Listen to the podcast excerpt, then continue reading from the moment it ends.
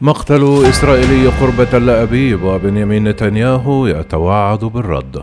قتل إسرائيلي السبت بعدما أصاب صاروخ أطلق من قطاع غزة مبنى في منطقة قريبة من تل أبيب وفق ما أفادت الشرطة.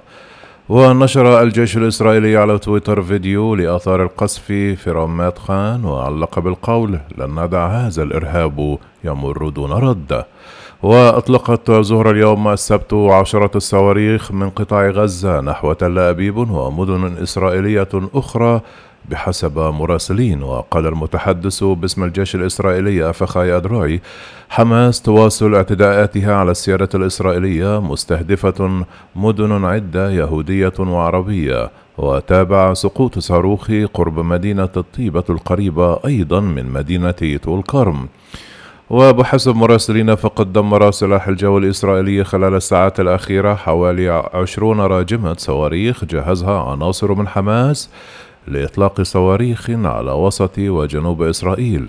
وأكد الجيش الإسرائيلي في وقت مبكر من السبت أن طائراته الحربية قصفت ليلة الجمعة السبت مكتب عمليات تابع لحركة المقاومة الإسلامية حماس بالقرب من وسط مدينة غزة. بضربات ليلية إضافية استهدفت ما أسماه الجيش مواقع إطلاق صواريخ تحت الأرض. كما قصف موقع للاستخبارات العسكرية ومواقع إطلاق صواريخ أرض أرض ومجموعتين كما كتب الجيش في تغريدة على تويتر.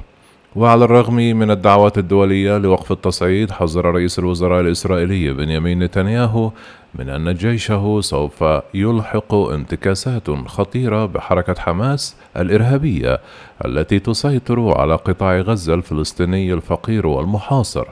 وقال إنهم يدفعون وسيواصلون دفع الثمن غاليا فالأمر لم ينتهي بعد. وقال الجيش أنه تم إطلاق أكثر من ألفي صاروخ على الأراضي الإسرائيلية منذ الاثنين. وأوضح الجيش أن الدرع الصاروخي القبة الحديدية اعترض نحو 90% من هذه الصواريخ.